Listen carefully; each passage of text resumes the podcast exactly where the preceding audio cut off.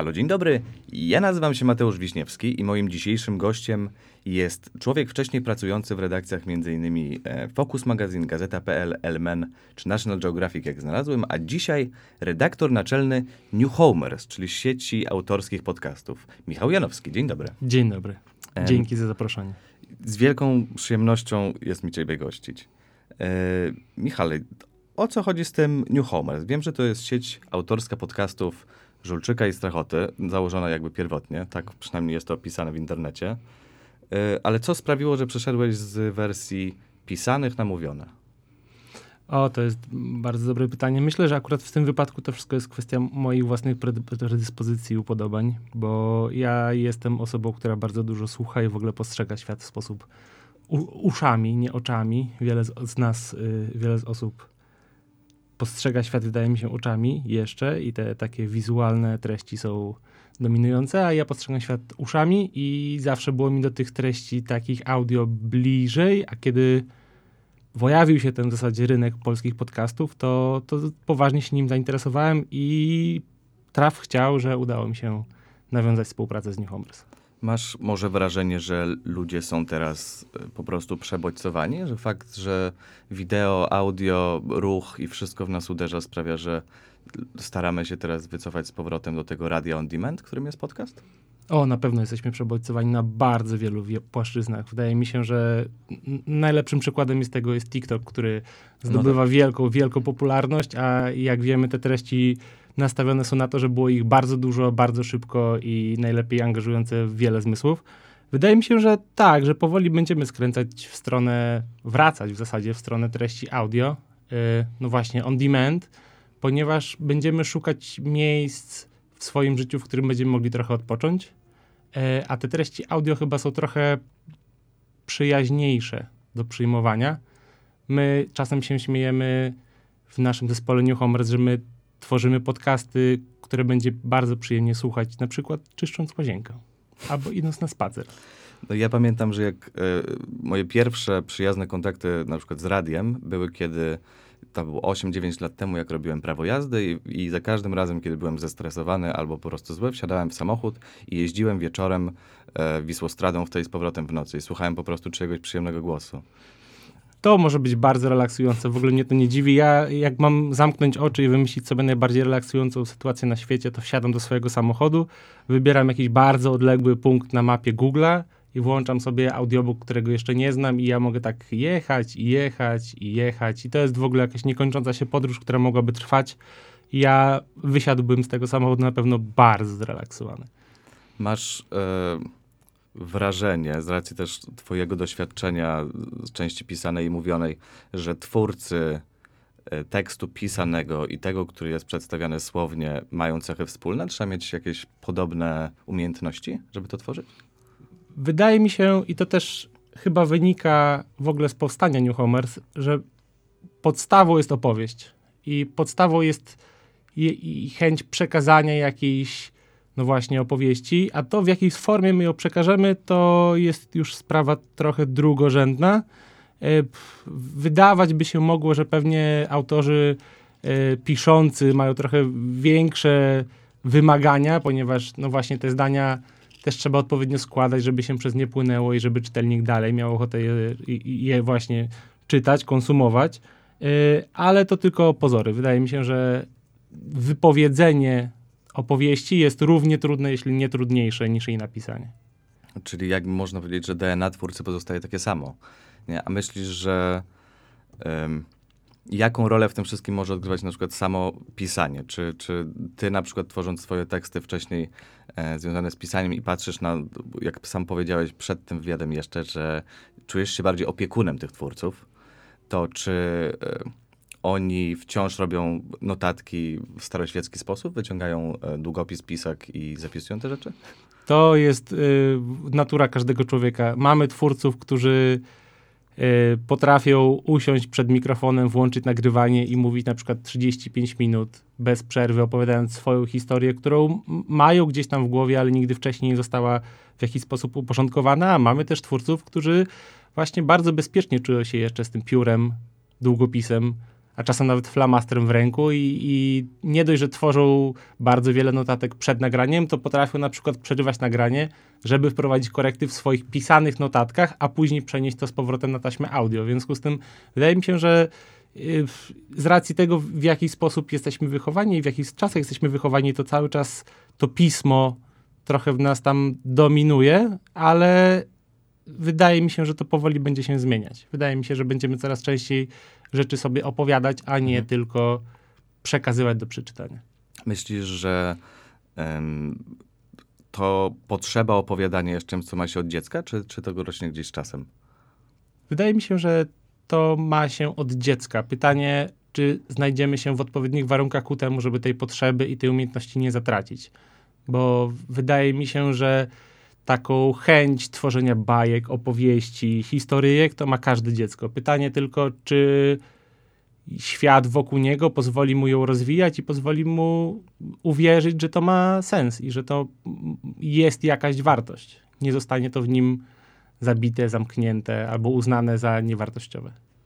Ostatnio mam wrażenie, że brakuje głośnych książek i już chyba wiele lat minęło od ostatniej, która e, można było mieć wrażenie, że zmieni świat. Czy myślisz, że podcasty mają potencjał na to, żeby też tak jak kiedyś literatura zmieniać postrzeganie rzeczywistości ludziom?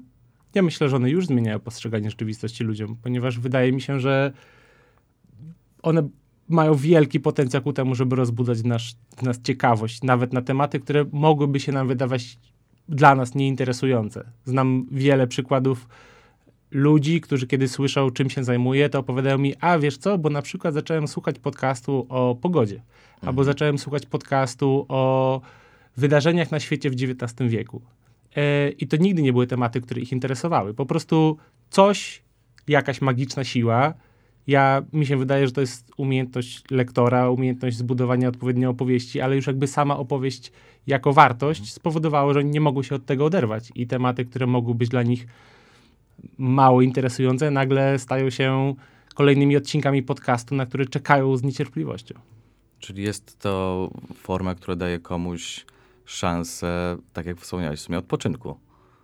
Tak, bo wydaje mi się, że, że my szukamy w podcastach teraz odpoczynku. Szukamy w nich relaksu i szukamy w nich zainteresowania elementami świata, ponieważ podcast jest taką formą, która wymusza na tobie trochę z jednej strony uwagę, a z drugiej strony wyłączenie jakiegoś okresu z twojej doby. Czyli ty musisz włączyć ten podcast i jeżeli chcesz go posłuchać, to to będzie trwało na przykład 45 minut.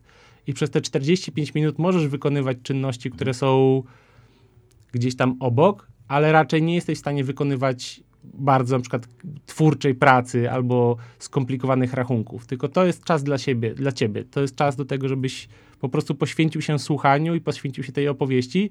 Ja myślę, że to jest też wartość, która bardzo wielu ludzi nakłania do tego, żeby te podcasty zostały z nimi na dłużej. To jest taka umiejętność znalezienia czasu dla siebie. Myślisz, że to może jest też taka naturalna e, kolej rzeczy, może próba zbalansowania tej potrzeby ludzi ciągłej pracy i produktywności, ale też niedosytu w relaksie, więc nagle pojawia się w tym wszystkim podcast, który jest e, na to odpowiedzią, bo pozwala ci jednocześnie się jakby relaksować i zbierać informacje od kogoś opowiadającego przyjemną historię, ale też nie zabraniać to pracować, tak jak książka na przykład, której już musicie zabrać.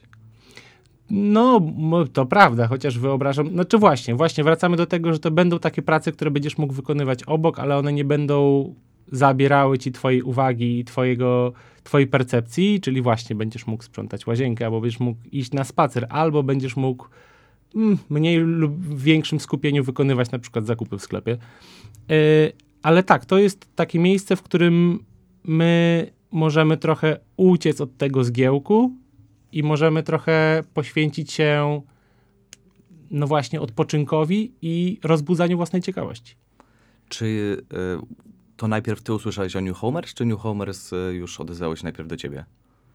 To jest w ogóle y, historia jak y, z Kopciuszka, ponieważ y, Zgubiłeś but? Julek Strachota i Kuba Żulczyk, jak pewnie wiesz, jak pewnie wie wielu naszych słuchaczy, są autorami jednego z y, większych podcastowych hitów w ogóle chyba na polskim rynku, czyli podcastu Coś Pać po odwyku, który miał kilka sezonów, był stworzony już ładnych kilka lat temu, a wciąż cieszy się wielką, wielką popularnością Mhm. wśród miłośników podcastów.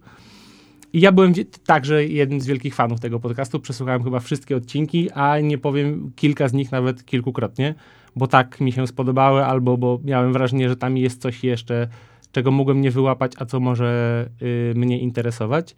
I w zasadzie w momencie, w którym ten podcast się powoli kończył, a w zasadzie już się skończył, to ja dostałem informację o tym właśnie, że, że twórcy New Homers chcieliby się ze mną spotkać i porozmawiać o ewentualnej współpracy, więc y, prawdą jest, że New zgłosił się do mnie, ale przyznaję, że kiedy pierwszy raz przeczytałem tę wiadomość mailową, to wydawało mi się, że to jakiś skam, bo to było aż niemożliwe. Tak, że po prostu. Kiedyś pamiętam, pisałeś w jakimś chyba artykule, że e, to jest jak bycie kibicem zespołu, który może nagle grać dla drużyny. Dokładnie, Tak, trochę tak takiego. się czuję, trochę tak się czuję, rzeczywiście jakbym od y, ładnych kilku lat kibicował jakiejś drużynie, a później dostał telefon od menedżera, że może bym założył koszulkę i wszedł na boisko. A skłaniałeś się już wcześniej, pracując w redakcjach pisemnych, do, do wymiany jakby formy? Zmiany sportu? Tak, tak. Znaczy zmiany sportu wewnątrz, wewnątrz redakcji, ponieważ zdarzało się tak, że w zasadzie w każdej z tych redakcji, w których pracowałem, starałem się powoli przemycać pomysły o tym, żeby rozwijać produkty audio i żeby wprowadzać podcasty. Y, Z racji tego, że to były dosyć duże wydawnictwa i dosyć duże tytuły, to tam wszystko dzieje się powoli y, i te zmiany nie zachodzą tak szybko, w związku z tym niewiele z tych rzeczy udało mi się wprowadzić, ale teraz jak patrzę sobie wstecz, to to jest jakaś taka y, nutka dumy, bo widzę, że te tytuły rozwijają moje pomysły i rozwijają pomysły tego, żeby przenosić się nie tylko z formy, nie, znaczy przekazywać nie tylko formę pisaną, ale też audio. Myślisz, że warto wprowadzić na zajęciach z dziennikarstwa teraz lekcje podcastu? Bo na przykład e, miałem na zajęciach warsztaty radiowe, ale nikt jakby podcastowo nie, nie, nie był kierowany do tego. To ciekawe, ja w ogóle jestem też y, absolwentem dziennikarstwa, w związku z tym mam jakieś swoje własne przemyślenia na ten temat, ale y, wydaje mi się, że tak. Wydaje mi się, że tak, bo jeżeli założymy, że dziennikarstwo to jest cały czas pośrednictwo pomiędzy wydarzeniami na świecie, otaczającym nas światem, a potencjalnym odbiorcą, no to nie da się ukryć, że podcast jest kolejną nową płaszczyzną, na której możemy te informacje przekazywać, więc wyłączenie go całkowicie z takich zajęć i jakby udawanie trochę, że go nie ma, może nie być bardzo dobre dla studentów, szczególnie, że pewnie wielu z nich w przyszłości już teraz marzy o karierze podcasterów albo zastanawia się nad tym, czy, czy nie rozwijać się w tym kierunku. No jak widać na przykład e, w tej sytuacji, w której się znajdujemy, to może być z tym związane. E, A w ogóle cofając się może trochę głębiej. Pamiętasz decyzję, która sprawiła, że uznałeś, że zostaniesz redaktorem? Mówiłeś, że skończyłeś Hmm. studia dziennikarskie. To jak, to, jak to wszystko cię to pchnęło? I, i moja historia też jest bardzo zabawna, ponieważ to wyglądało w ten sposób, że ja y, poszedłem na studia, najpierw na studia politologiczne, które były moim wielkim marzeniem i wiel- wielką pasją. I wtedy zorientowałem się, że ten świat na tych studiach politologicznych jest tak czarno-biały, że ja w ogóle nie odnajduję się w swoich skalach szarości i ja nie potrafię usiąść po lewej stronie ławy albo po prawej stronie ławy, tylko ten środek albo w ogóle jakoś wybieranie rzeczy z jednej i z drugiej strony w miarę mojego rozsądku wydaje mi się najbardziej odpowiednie, więc ciężko było mi się tam odnaleźć. Yy, ale od bardzo, bardzo dawna myślałem o tym właśnie, że chciałbym pisać, bo, bo sprawiało mi to bardzo dużą przyjemność. Yy, więc zacząłem się zastanawiać nad tym, czy pójść na studia dziennikarskie, ale zanim poszedłem na studia dziennikarskie, uznałem, że pójdę drogą takiego American Dream i po prostu zrobię sobie na kartce listę pięciu magazynów, których będę, których, które czytam i które są dla mnie interesujące. Pójdę do każdego, zapukam w drzwi i powiem: Hej, a może chcielibyście, żebym wam jakoś pomógł? I ja się przy okazji nauczę. No i miałem to szczęście, że Fokus jako piąty otworzył, otworzył przede mną wrota, ale, ale bardzo wy, wyjątkowo wydaje mi się to było szczęśliwe połączenie, bo trafiłem do redakcji, która była bardzo wyjątkowa, która nauczyła mnie bardzo, bardzo wiele. Redakcji, której niestety już nie ma, ale y, wciąż pozostaję w bardzo bliskich kontaktach z wieloma osobami z tamtej redakcji, chociaż trzeba przyznać, że kiedy wchodziłem do redakcji, no to ja miałem te 20 lat, literalnie, jeśli nie 19, a następna osoba w redakcji miała raczej 39. Mhm. W związku z tym sytuacja była yy, zabawna, ale zawsze czułem się bardzo dobrze tam zaopiekowany. Yy, no a w momencie, w którym miałem już te dwa lata pracy w redakcji za sobą, uznałem, no dobrze, to chyba czas jakoś poprzeć to swoją nauką. I poszedłem na studia dziennikarskie, które n- stały w, trochę w sprzeczności z moją nauką praktyka w redakcji i, i miałem poczucie, że że jednak ta praca w redakcji będzie dla mnie taka właśnie, y, y, ta empiria będzie dla mnie lepsza niż, niż teoria. Bo wspomniałeś o pięciu redakcjach, piątym był Focus. Czy można usłyszeć, jakie by pozostały cztery? Czy nie chcesz może mówić głośno teraz? E, pff, chyba nie będę co mówił, było nie, chyba nie będę twojej mówił liście? głośno, ale rzeczywiście były to du, największe magazyny w Polsce, które w tamtym czasie, kiedy ja podejmowałem próbę się do nich dostania, chyba jeszcze nie miały bardzo rozwiniętych takich yy, programów stażowych, yy, a Focus trochę przyjął mnie poza programem stażowym, po prostu uznając, że może ten młody facet, który jeszcze nic nie umie, ale chyba jest trochę ciekawy świata, może im coś Zrobili to Przynieść. bardziej po ludzku, rozumiem, tak? Że o, zdecydowanie po ludzku, tak. Zdecydowanie po ludzku i, i to wydaje mi się opłaciło się obu stronom, mi na pewno bardziej, ale, ale też jakąś tam swoją cegiełkę chyba do rozwoju tego magazynu dołożyłem. A wiesz, tak, nie, nie wiem, czy mi wypada, ale ile lat temu to było? Mówisz, że miałeś 20, 19, To było 13 lat temu. 13 lat temu. To zupełnie inny świat. Podcasty chyba pierwszy był 2004 w Polsce, jak ostatnio googlowałem. To jeszcze te plany nie mogły O być nie, w nie, nie, głowie nie, nawet, nie. Wydaje mi się, że pierwsze plany w ogóle takie podcastowe, kiedy ja pracowałem w dużych redakcjach, to pojawiły się pewnie gdzieś koło czter- 2014-2015 roku, ale to były jakieś takie bardzo nieśmiałe projekty i, i, i chyba dopiero później rozwinęło się to na, na większą skalę, przy czym dalej wydaje mi się, że wiele dużych wydawnictw trochę pozostaje w tyle względem rynku i tego, że twórcy, no właśnie, podcastowi twórcy działają oddolnie. A z czego myślisz, że e, to się bierze? To, że magazyny zostają w tyle, to jest e, odgórne jakoś może związane z managementem, czy, czy jest jakieś przekonanie, że e, pisanie jest, jest sztuką wyższą? Nie, nie wydaje mi się, żeby było sztuką wyższą, jest na pewno sztuką lepiej zbadaną, a też nie Mhm. ukrywajmy, że duże wydawnictwa to są też bardzo duże biznesy. A bardzo duże biznesy nie są chętne do tego, żeby podejmować bardzo duże ryzyko, w związku z tym, jeżeli mamy metodę, która jest sprawdzona, przynosi zyski i wiemy, w jaki sposób nasi odbiorcy na nią reagują, to jest zawsze opcją bezpieczniejszą. A podcasty do niedawna jeszcze były wielką zagadką. Masz wrażenie, że ta zagadka już się odkrywa? Że już szukacie w New Homers, może znaleźliście odpowiedź, jak wyjść z labiryntu nie wiem, problemów i pieniędzy. Jak nagle w to wszystko wpaść, jak zarobić, jak znaleźć ludzi, jak mieć schemat na stworzenie podcastu, który ma, może mieć słuchaczy, odbiorców i Zadajesz mi pytanie o magiczny przepis na podcast, którego będą słuchać wszyscy i na którym można zarobić fortunę.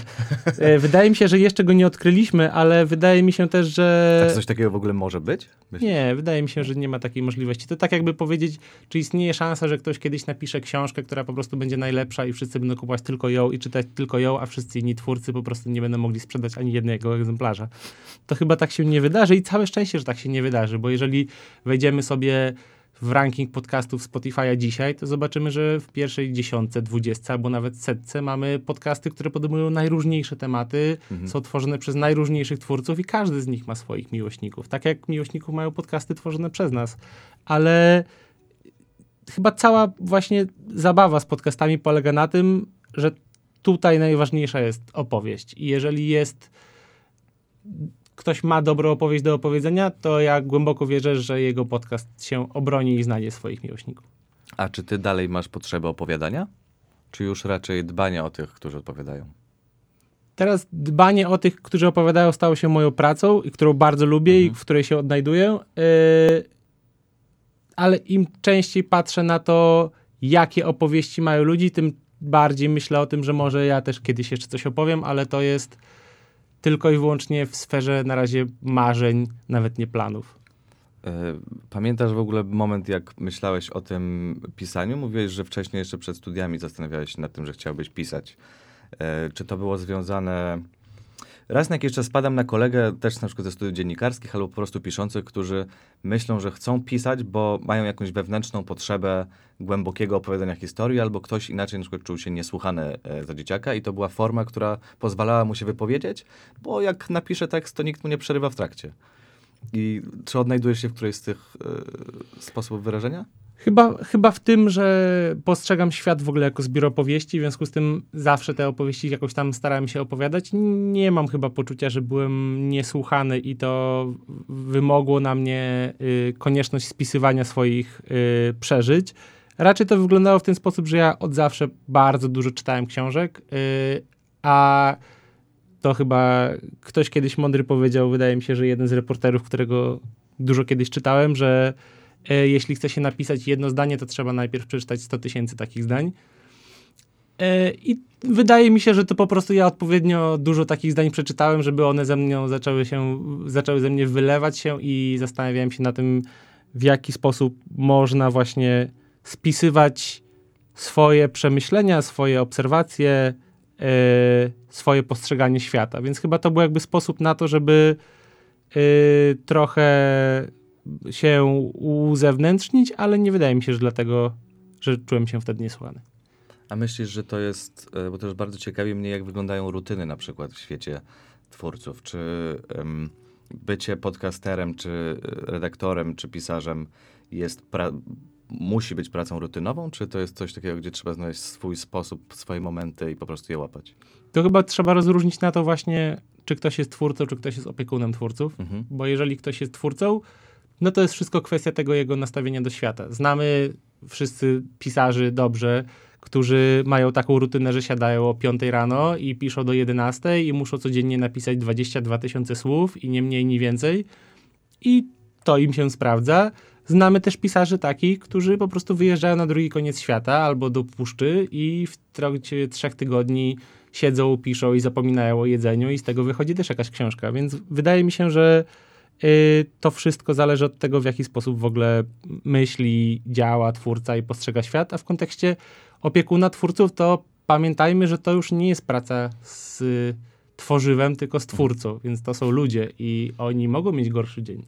I oni mogą być zabiegani albo mieć inne obowiązki i moją rolą jest do, to, żeby się do tego dopasować. Więc ja potrzebuję być elastyczny i potrzebuję sprawiać, żeby moi twórcy czuli się dobrze w swoim procesie twórczym, a później po pomóc im pokazać go światu. Więc yy, raczej mój zawód to bycie człowiekiem gumą.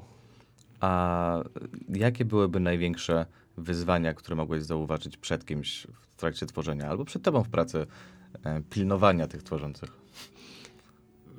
Wydaje mi się, że pierwszy, najważniejszy przełom, jaki trzeba, to kiedy spotkasz.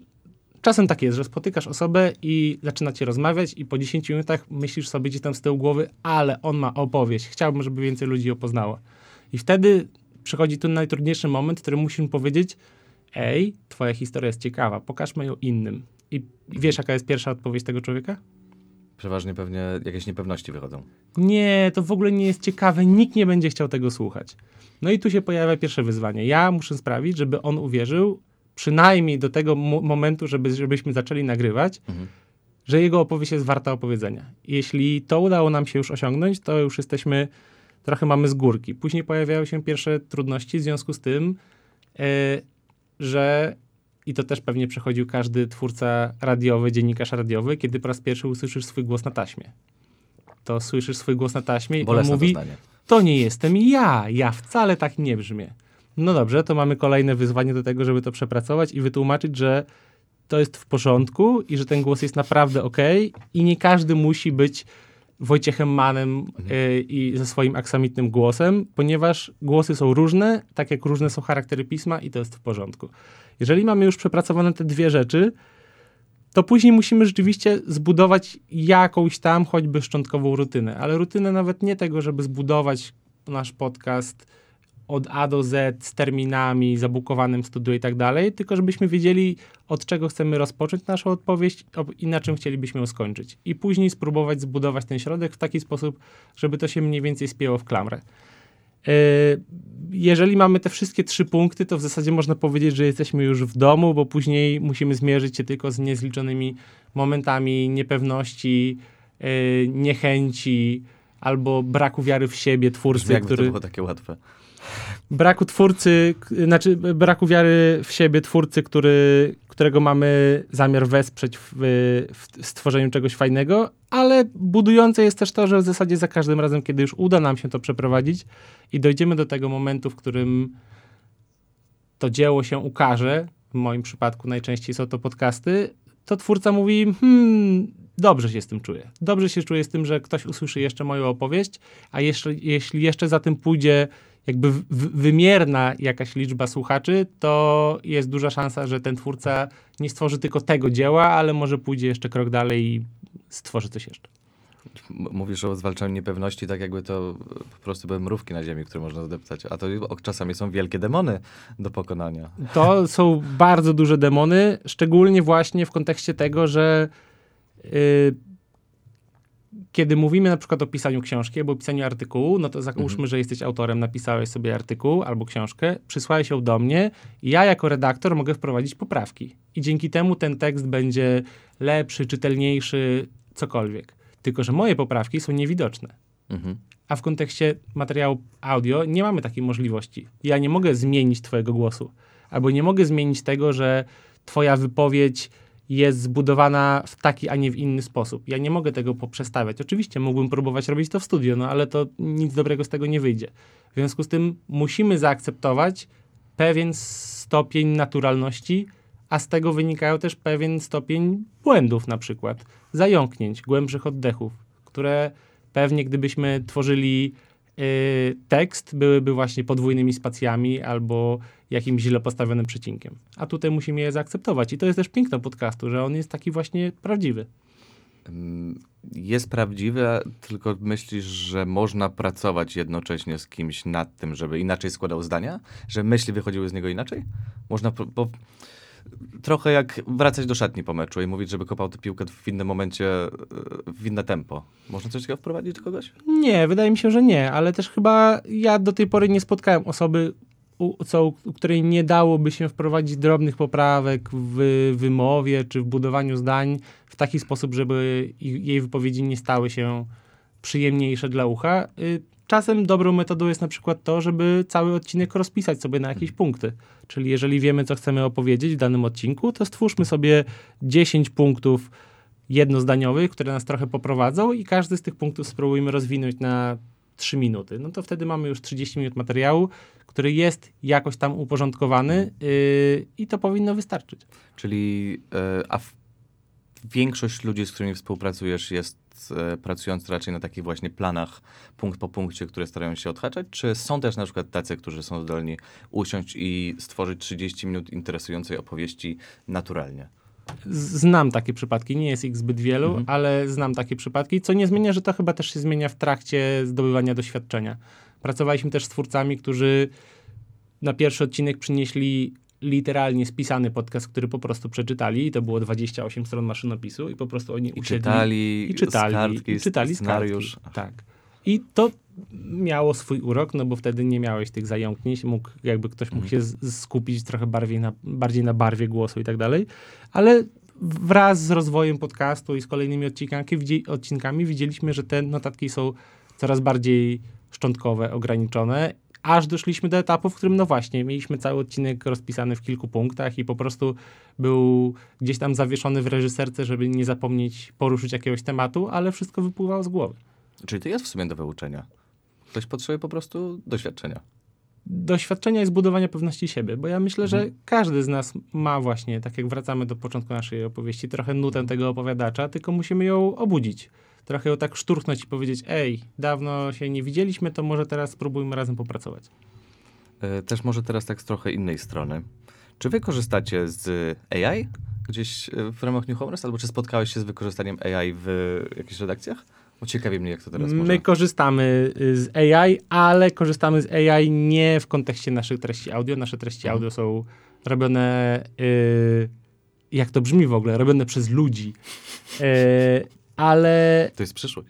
tak, ale w kontekście promocji jednego z naszych podcastów, y, podcastu Dziś, autorstwa Olgi Drendy i Jacka Paśnika, tworzymy grafiki, y, które są y, stworzone przez współpracującego z nami piekielnie zdolnego autora, który właśnie zaprzęga sztuczną inteligencję do tego, żeby pozwoliła mu stworzyć obrazy, które w ogóle nigdy nie zmieściłyby się w naszych głowach. E, I wykorzystujemy te grafiki do promocji i przy ka- każdy z naszych odcinków jest opatrzony inną grafiką e, i no one są rzeczywiście e, bardzo wyjątkowe. Polecam sprawdzić nasz Instagram, bo tam można zobaczyć Olgę, Jacka i ich gości w najróżniejszych sytuacjach. I to jest podcast dziś, tak? Tak.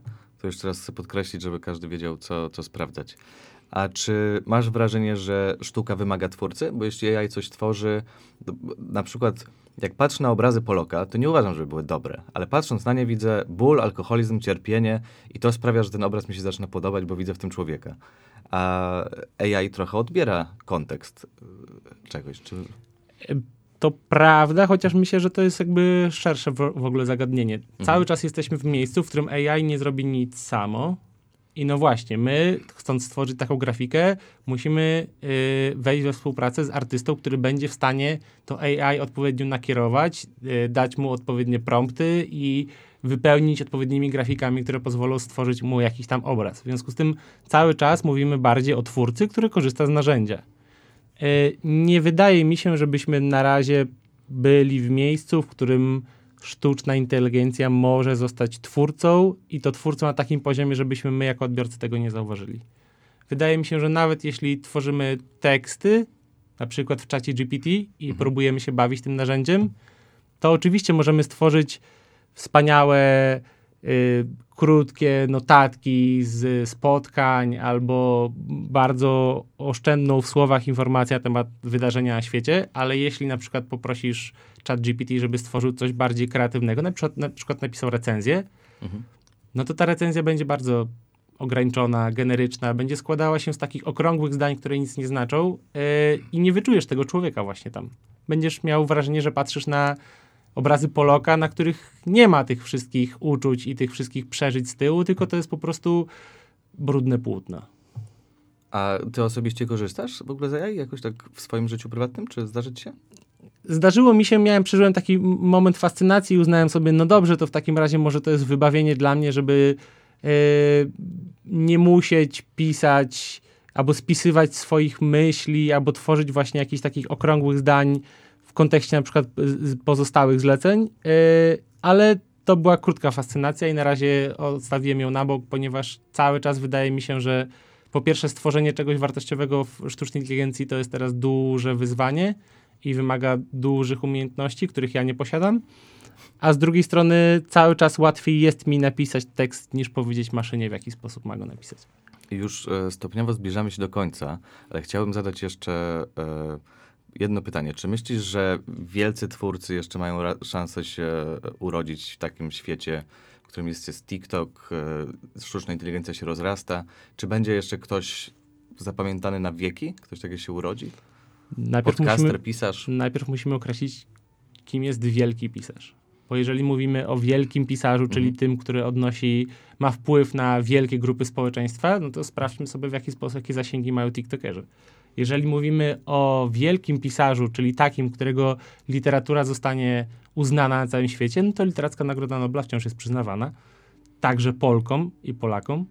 E, a jeżeli mówimy o tym, że wielki pisarz to ten, którego literatura przetrwała próbę czasu i będzie dalej czytana za 100 lat, no to musimy uruchomić nasz wehikuł, e, przenieść się do przodu i zobaczyć, czego słuchają nasi, nasze dzieci, pra, prawnuki, praprawnuki. Y, Dla mnie to jest sygnał nadziei. Michale, bardzo e, cieszę się, że przyszedłeś ze mną do studia. Miło się z tobą rozmawia i naprawdę miło się słucha, bo napawasz też mnie nadzieją w ramach e, może jakiejś twórczej przyszłości.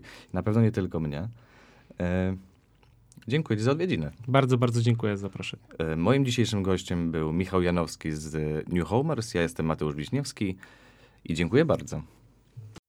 Ze Stabilo wspieramy kreatywność. Dzięki.